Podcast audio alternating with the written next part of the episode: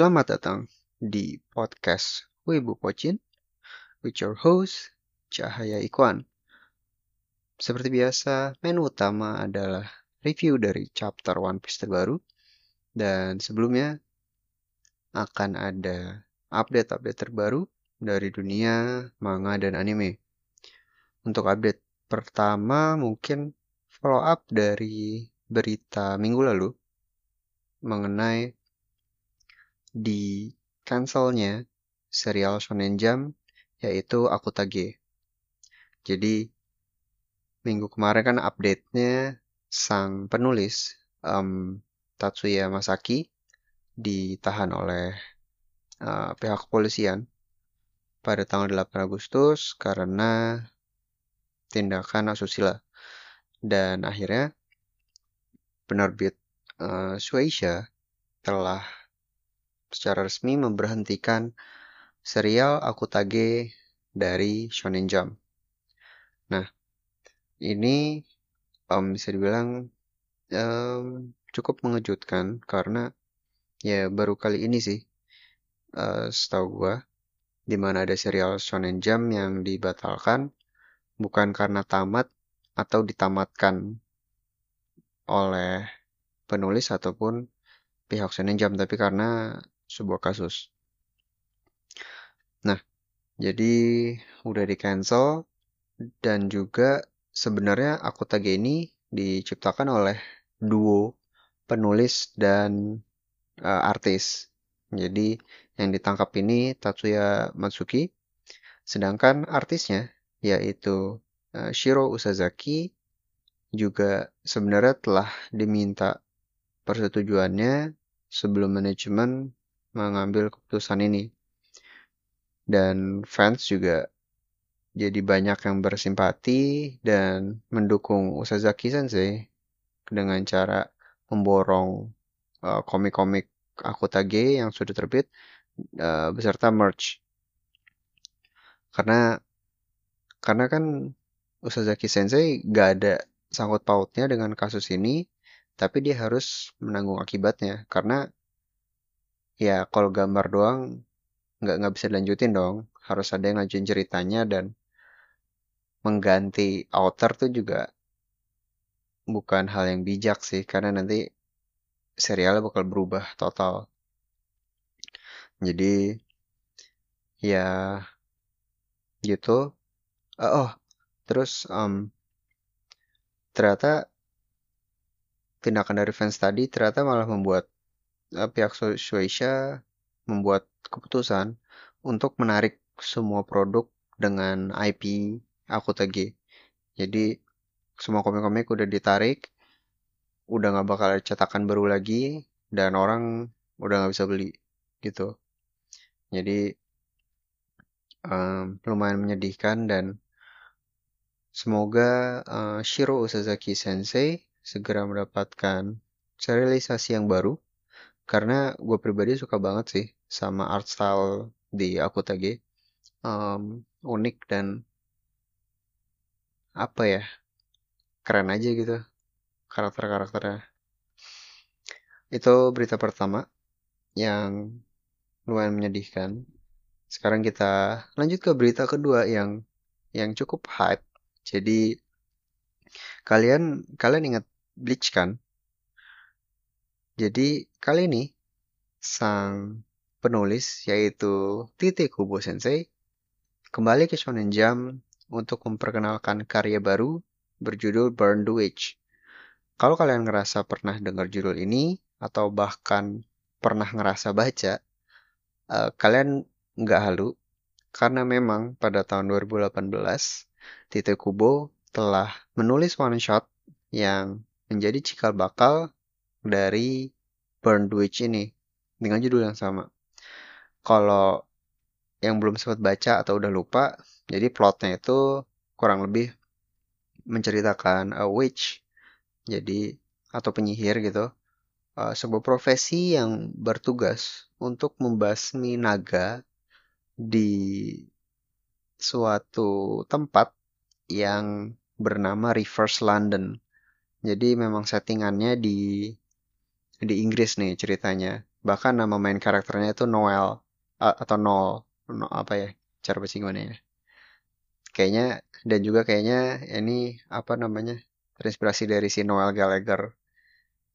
Cuman cewek sih. Um, anyway, jadi si Noel ini bekerja sebagai witch dan untuk membersih naga.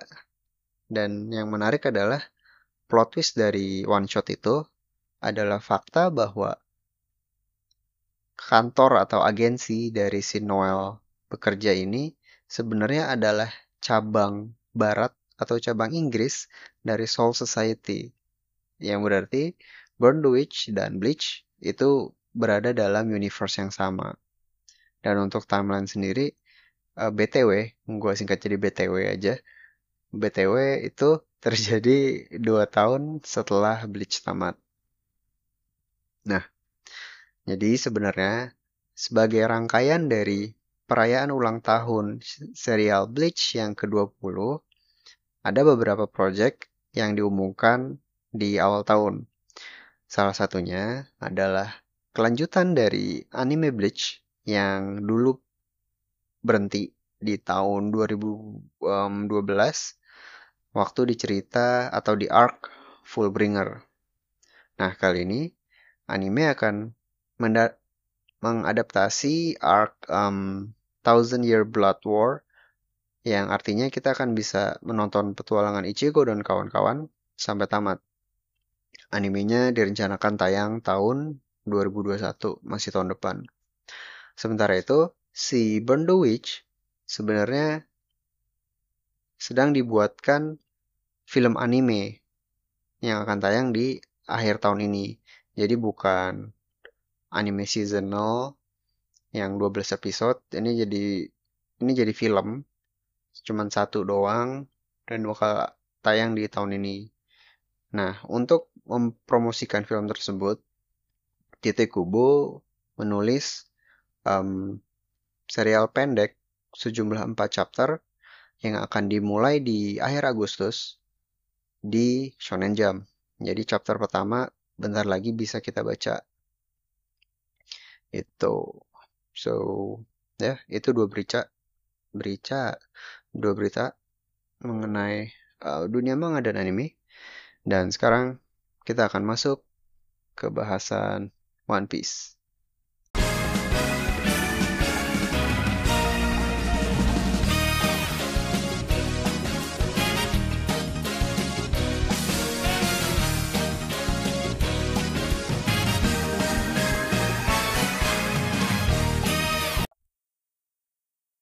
One Piece chapter 988 dengan judul I've Kept You Waiting.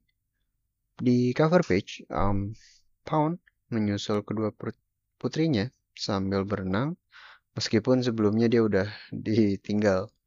Um, Lola dan Chiffon nampaknya mulai uh, tersentuh hatinya dan mulai percaya kalau orang ini adalah beneran ayah kandung mereka.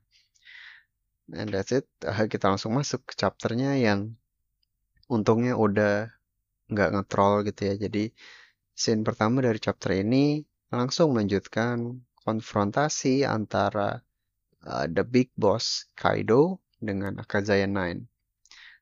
Sayangnya Jack menginterupsi momen yang kita tunggu-tunggu karena dia muncul sambil membawa banyak uh, pasukan dan juga seorang numbers raksasa. Hal ini sebenarnya cukup diantisipasi sih karena Nekomamushi dan Inuarashi dan semua suku Ming sih sebenarnya memiliki dendam kepada Jack yang telah menghancurkan negeri Zou. Ditambah lagi, Raizo yang dicari-cari oleh Jack juga ada di sana gitu kan. Bahkan Jack sampai loh, jadi lu ada gitu kan jadi ini revenge match yang sebenarnya ditunggu-tunggu juga sih uh, tapi untungnya pasukan Mings um, sudah siap untuk menahan Jack agar Neko, Inu, dan Akazaya yang lain bisa fokus untuk menghadapi Kaido. Dan ya, Oda being Oda sih ini senjata utama yang paling hype disimpan belakangan. Jadi sulang form yang pertama kali kita lihat itu adalah dari uh, Rodi dan Bibi alias Blackback, penjaga hutan paus yang melayani Nekomamushi. Mereka adalah um, mink, banteng, dan gorila. Kemudian uh, tiga masketir dari Inuarashi yaitu Giovanni, uh, mink zebra, uh, Sicilian, mink singa, dan Concelot, mink rubah. Itu mereka juga udah berubah jadi uh, sulong. Ditambah ya ada beberapa belas kesatria Mings yang lain lah. Tapi sayang sekali cuma itu doang yang diliatin. Kita belum bisa melihat wujud sulong dari uh, Nekomamushi, Inuarashi, bahkan uh, Wanda yang anjing cewek itu. But well, it's zoo time karena para gifters pun pun bilang oh kita juga punya macam-macam binatang nih di sini. Jadi memang adu binatang gitu kan. Ditambah Jack juga uh, boy Blizzoan. Jadi memang benar-benar kebun binatang itu tuh di atap Onigashima. Jadi seru banget sih. Dan untuk mengakhiri scene ini, kita juga diperlihatkan dengan satu lagi numbers. Setelah sebelumnya Hachi si nomor 8. Kali ini nomornya nomor 7 dan dia berpakaian layaknya Oni di dalam folklore Jepang dengan celana khas loreng-loreng dengan jongget eh jongget jenggot keribunya jenggot keriting gitu ya dan juga senjata kanabo. Cara tertawanya juga sesuai dengan namanya karena Nana itu kan berarti tujuh dalam bahasa Jepang. Jadi bisa dipastikan juga numbers yang lain akan tertawa dengan pola yang sama. Oke. Okay. Kini kita pindah ke dasar kastil di mana seperti yang udah gue point out pada episode sebelumnya bahwa King dan Queen masih nyantai di panggung eksekusi dan fokus untuk menjaga Momo. Tapi ternyata uh, Shinobu berhasil menyelinap. Dia udah nyampe di tiang pasaknya Momo, udah mau lepas borgol. Cuman ya tentunya tidak mudah untuk mengelabui dua eksekutif Yonko sekaligus dan ya Shinobu langsung ketahuan dan dilempar sama King. Uh, untungnya seperti yang sudah di tebak sebenarnya sih dari episode-episode yang lalu. Penyelamat dari Momo tidak lain dan tidak bukan adalah Jerma 66 number 3 Stealth Black alias Sanji. Sebelumnya Sanji itu uh, menghilang dalam tanda kutip saat kelompok penyerbu Onigashima masuk ke atau lebih tepatnya masuk via rumah bordelnya Black Maria. Karena dia pengen mencari hiburan kan gitu. Aku mencari eh, wanita-wanita gitu. Terus itu hilang aja gitu. Padahal dan benar-benar hilang kan. Bahkan dia waktu Nami ditangkap sama Big Mom uh, dia nggak muncul gitu kan. Tapi memang dari yang dari dulu banget ini memang speciality dari Sanji. Jadi dia selalu bertindak sebagai wild card yang mengeluarkan teman-temannya dari keadaan genting dengan bertindak di balik layar. Sebagai contoh, di Alabasta, di mana dia memiliki peran sebagai Mr. Prince, terus um, di di Enies Lobby, waktu di kereta laut, kan dia juga solo mission tuh buat nyelamatin Robin, walaupun ujung-ujungnya dibantuin sama Sogeking dan Frankie, tapi Frankie-nya belum join uh, Mugiwara dan juga di Enies Lobby di mana dia menghalau Buster Call gitu kan dengan menutup uh, pintu gerbang jadinya arusnya jadi kacau dan kapal-kapal nggak bisa mengincar uh, Luffy dan kawan-kawan. Anyway, uh, Sanji menggunakan uh, raid suitnya dia ngilang, invisible dan copot rantai terus Momo kelihatan kayak melayang gitu kan. Terus si Queen cuma cuma bengong terus malah bereaksi gitu. Eh eh dia melayang. Cuma ngomong, ngomong gitu doang kan. Meanwhile King mencoba menganalisa keadaan dan kesimpulan dia adalah langsung menendang Momo. Agak-agak ekstrim but untungnya uh, Sanji langsung menangkisnya. Dan kita bisa melihat percikan uh, Haki Busoshoku hasil dari adu tendangan mereka gitu um, dan nggak tahu kenapa tapi somehow Sanji memutuskan untuk uh, cancel invisibility-nya dan memunculkan dirinya di hadapan King dan Queen juga. Cuman ya dengan siap uh, Sanji mengoper Momo ke Shinobu yang nggak jauh dari uh, mereka berdua dan bahkan dia menyempatkan diri untuk memuji tindakan Momo di chapter sebelumnya yang dengan berani telah menyatakan dirinya sebagai seorang klan Kozuki, sebagai seorang Kozuki Momonosuke, calon shogun. Ya, itu um, menurut gue keren sih. Uh, dan gue lebih penasaran lagi saat ini dikatakan Luffy nanti begitu nanti udah ketemu Momo. Anyway, Shinobu udah berhasil nangkep Momo, mestinya udah aman.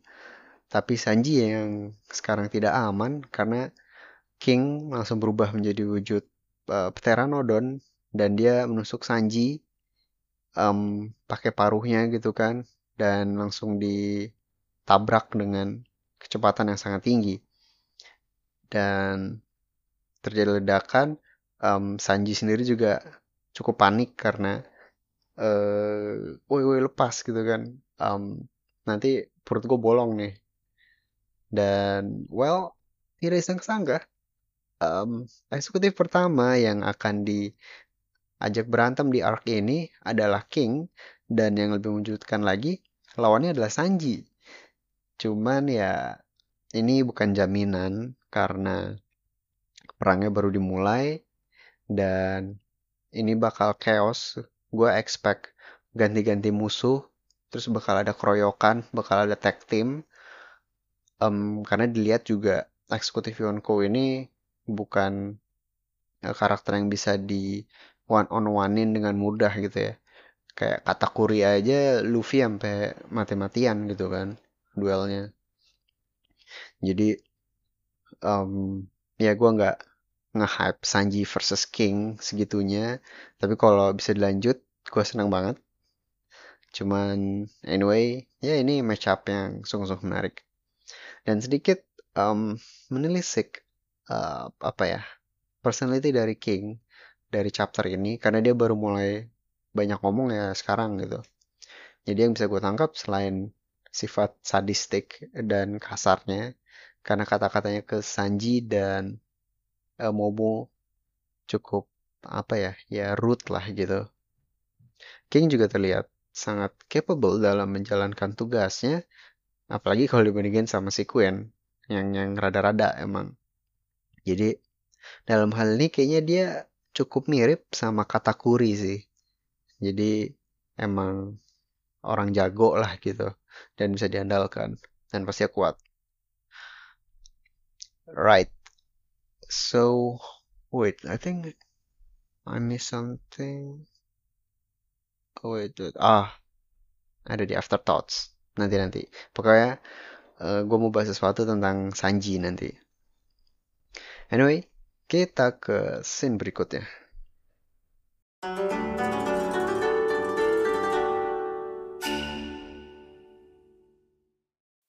Right, so uh, Luffy yang mengomentari serangan King menjadi transisi untuk scene berikutnya di mana dia minta Yamato untuk melindungi Momo meskipun ia lagi berantem sama Ulti.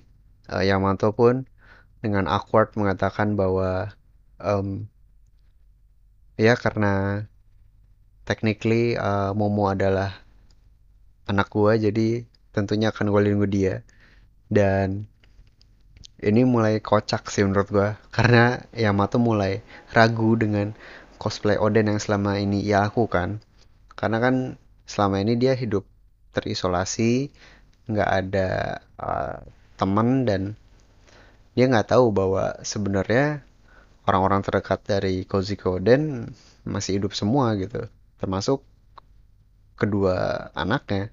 Jadi eh, penasaran juga maksudnya sekonsisten apa nih si Yamato nge-cosplay jadi Oden apalagi nanti kalau udah ketemu semua Kazaya udah ketemu Momo sama Hiyori entahlah tapi menurut gue bakal jadi running gag yang menarik sih um, Luffy sendiri ngomong gitu karena dia perlu ngurusin Big Mom yang udah menerjang dirinya uh, dengan kecepatan penuh. Dia udah aktivasi Prometheus dan Napoleon juga. Big Mom sendiri ya kesel banget sama Luffy kan karena dia udah bikin rusuh di basically semua pesta yang dia ikutin gitu kan. Dimulai dari pernikahan puding dan pesta teh di Whole Cake Island dan kali ini jamuan perayaan aliansi dengan Kaido. Bisa dibilang, um, walaupun Big Mom tuh agak-agak psycho, alasan dia untuk ngincer Luffy menurut gue cukup logis. Karena lu udah lu mau pesta mau seneng-seneng digangguin mulu ya kesel lah gitu jadi ya udah uh, Big Mom ngincar Luffy dan dengan penuh amarah dia melepaskan jurus uh, Ikoku Sovereignty yang kalau di kanjinya dia punya arti ganda. Jadi bisa diter diterjemahkan juga sebagai Spear of Elbaf, tombak Elbaf yang tentunya lebih make sense kan karena um, ya basically dia ada dia terobsesi sama suku Giant kan sebenarnya si Big Mom ini dan efek serangannya sendiri uh, luar biasa karena Castilla benar-benar bolong sampai ke ujung pulau. Ya untungnya Luffy bisa menghindar gitu kan. Cuman dia jadi wah kalau kayak gini gue nggak bisa nyusul Kinemon nih gue bisa nggak bisa ke atas gitu kan. Susah kalau ada Big Mom. Dan uh, Big Mom berniat melakukan serangan follow up dengan memanggil Zeus tapi ternyata dia udah diculik sama Nami. Ini um, gila sih maksud gue Nami berani banget ngambil Zeus lagi padahal sebelumnya udah di, di diambil lagi sama Big Mom gitu kan. Terus um, tentunya Big Mom dengan mudah berhasil merebut kembali Zeus yang dia nggak bisa menolak perintah Big Mom kan? Dan begitu di manipulate langsung mau ngaktifin jurus tapi dia sambil minta maaf sama Nami. Jadi kayak Nami maaf mati. Terus ya udah Big Mom mau nyerang Nami dan lucunya lagi uh, Nami kecewa banget karena ternyata um, Zeus lebih memilih Big Mom dalam tanda kutip ya karena dia nggak bisa milih gitu kan. Dia emang dasarnya memang jiwanya Big Mom gitu. Jadi ya udah dan Nami malah minta putus sama Zeus. Itu kocak banget kayak you and Hero are over. Kayak udahan. Itu itu banget dia sambil nangis gitu sambil kabur gitu kan.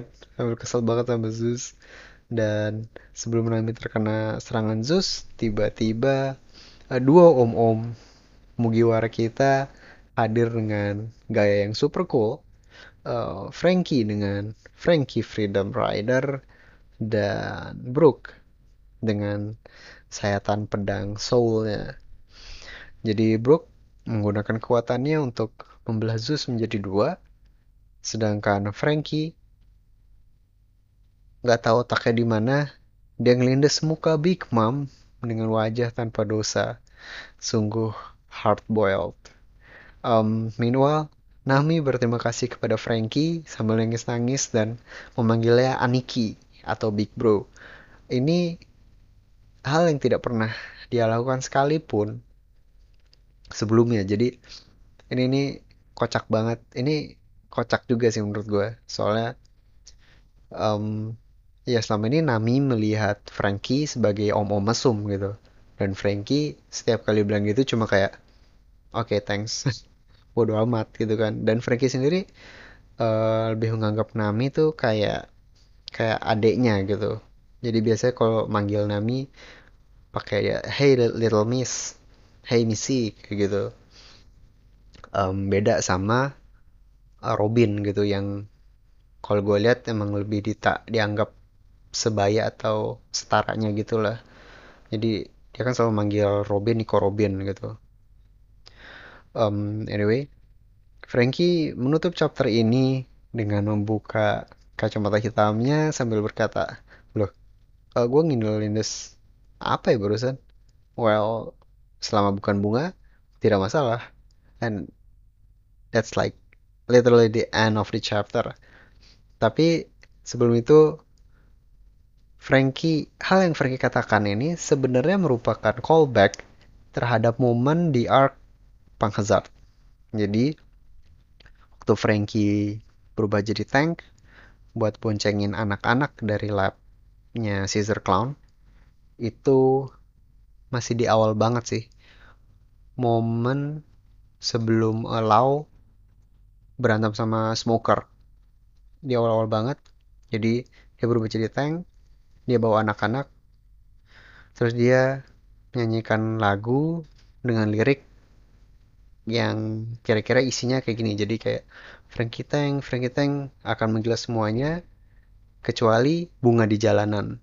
Jadi ini sebenarnya callback di callback terhadap lagu ini dibawa ke Wano terus kayak dia akan menggilas gila menggilas sem semuanya masuk Big Mom gitu kan. Tapi nggak masalah. Soalnya bukan bunga di jalanan gitu. Jadi itu menurut gue nice callback banget sih. Uh, bukan foreshadowing atau apa karena sifatnya komedik gitu kan. Tapi ternyata ada maknanya. Emang Oda Oda Sensei mantap lah. So ya. Yeah.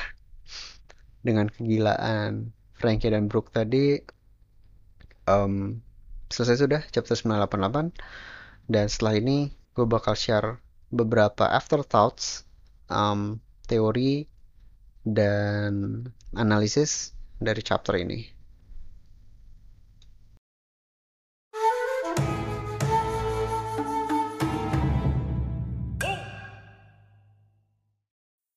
Yep, afterthoughts dari chapter 988 chapter yang uh, chaos. Scene ganti-ganti terus. Um, dan emang udah rusuh. Ini udah bukan saatnya berdialog panjang itu kan. Udah tinggal aksi aja lah. Dan ya expect things like this sampai arc selesai sih menurut gua. Dan oh uh, minggu depan ada ada break dari Oda Sensei sendiri. Jadi chapter 989 baru akan tersedia di bulan September awal. Jadi sabar, sama-sama sabar kita menanti 989 karena kita semua nungguin sulong form dari Neko dan Inu dan Beppo juga sih sebenarnya gue penasaran. Gue penasaran banget silong sulong formnya dari Beppo dan karena kemungkinan Jack bakal bisa uh, menghadapi Sicilian dan Mings yang lain. Jadi gue cukup penasaran siapa yang bakal melawan dia. Karena mestinya Akazaya 9 fokus melawan Kaido. Jadi gue expect seseorang untuk nyusul ke atap dan menghadapi Jack. Gitu. Um, mungkin I don't know mungkin Zoro karena dia kerjanya nyasar mulu. Jadi tiba-tiba ada di atas gitu kan. Itu ya boleh lah dan juga tentunya Sanji. Sanji versus King. Um, seperti yang gue bilang mungkin ini gak bakal bertahan lama. Dan banyak mulai berteori bahwa nanti Zoro akan join. Nanti bakal tag team berdua lawan King. Dan mungkin nanti Kingnya juga bakal bantu sama Queen. Karena gue melihat ada paralel sih di antara duo duo tangan kanan kapten ini jadi King sama Queen kan emang kata-kataan mulu gitu ya. Nah, Zoro sama Sanji lebih parah lagi kan sebenarnya. Jadi um, kalau sampai mereka berempat berantem menurut gue selain seru bakal kocak banget sih. Jadi gue penasaran kalau itu bisa kejadian menurut gue keren banget.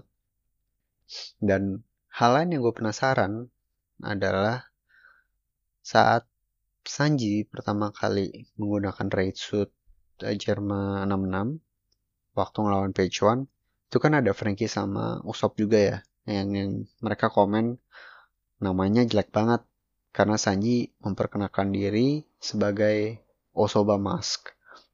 Dan di situ juga Sanji sebenarnya dia dia bilang gitu kan dia kurang suka sama kostumnya terus dia komentar nanti dia bakal minta Frankie sama Usopp untuk memodifikasi desainnya desain dari si Roach uh, raid suit ini. Tapi di chapter 988 ini nggak kelihatan uh, karena satu-satunya perbedaan dari luar yang terlihat saat yang lawan Page One dengan yang sekarang waktu lawan King cuman kacamata hitam yang udah dia nggak pakai lagi. Selain itu sama persis dengan um, kostum stealth black yang kita lihat sebelumnya. Jadi kalau mau berharap um, semoga ini adalah kayak wujud pertama dari raid suit. Terus nanti kalau misalkan udah makin terdesak waktu lawan King, Sanji akan mengupgrade dan berubah menjadi uh, form yang kedua gitu kan, berubah kedua kalinya dengan upgrade dari bantuan Frankie dan Usopp yang udah dia bilang itu kan. Jadi ya semoga itu kejadian dan cukup apa ya masih satu tema dengan Power Ranger dan Kamen Rider sih bahwa mereka punya beberapa jenis kostum gitu. Jadi ya gue pengen sih kalau Sanji punya upgrade power lagi. Dan nah, satu lagi mengenai Big Mom. Jadi di chapter ini kita lihat Frankie, Brooke, dan juga Nami yang ngegangguin Big Mom di saat Big Mom lagi ngincer Luffy gitu kan. Nah, um, karena kejadian di chapter ini, tentunya Big Mom bakal ngincer mereka bertiga juga dong. Apalagi karena Brook tuh memang hard counternya Big Mom banget. Karena semua soulnya atau homie Big Mom itu lemah banget sama pedangnya si Brook. Jadi emang emang paling cocok lah bro kalau Big Mom. Dan karena udah berempat nih sama Luffy kan gue jadi gak bisa berhenti membayangkan apakah hal ini yang akan terjadi di chapter-chapter berikutnya. Jadi kalian ingat kelompok Migu uh, Mugiwara versus Ors di Thriller Bark yang raksasa gede banget itu yang dikasih bayangannya Luffy sama si Moria. Nah, gue membayangkan apakah kita akan melihat versi New World dari format keroyokan atau raid boss ini tentunya dengan anggota Straw Hat yang sudah menjadi jauh lebih kuat dibanding pada waktu itu. Dan I really really hope this is the case karena kemungkinan besar um, Robin, Usopp dan Chopper mestinya bakal nyusul juga. Terus um, Jinbei juga. Jadi Luffy dan Jinbei bisa memimpin serangan. Terus nanti disupport oleh semua yang yang lain. Dan kalau itu beneran terjadi, ya kita bisa melihat Mugiwara versus Ors uh, babak kedua gitu. Cuman kali ini Orsnya diganti sama Big Mom. Menurut gue cocok banget karena um, udah gak mungkin lah lu one on one on one lawan Yonko emang harus pakai kerja sama dan kekuatan yang banyak gitu. Jadi kalau sampai kejadian gue bakal senang banget. Karena ini bisa jadi kesempatan buat interaksi antar Straw Hat yang udah lama gak kita lihat bakal bakal kocak bakal seru dan bakal ada kombinasi-kombinasi jurus yang baru juga. Jadi gue penasaran banget. Eh tapi uh, Sanji sama Zoro mau duel one on one, gue silahkan sih. Itu lebih seru juga sebenarnya. So ya, yeah. itu um, ekspektasi gue untuk chapter-chapter berikutnya. Dan meanwhile, uh, X Drake masih belum kelihatan di mana uh, Black Maria juga mestinya ada di panggung. Dia masih ada di dekat King dan Queen tapi hilang juga nggak tahu ke mana. Sasaki kayaknya masih dirantai uh, Who's Who mestinya menuju ke tempat ulti dan Yamato juga sih. Meanwhile Patch One ya mestinya lagi nyusul ulti um, jadi dari karakter-karakter yang belum muncul ini menurut gue gue yakin sih salah satu bakal ada yang um, clash sama karakter yang belum berantem kan masih ada Zoro, Kid, Lau, Killer. Nah ini gue yakin salah satu bakal ada yang ketemu dan bakal berantem sih.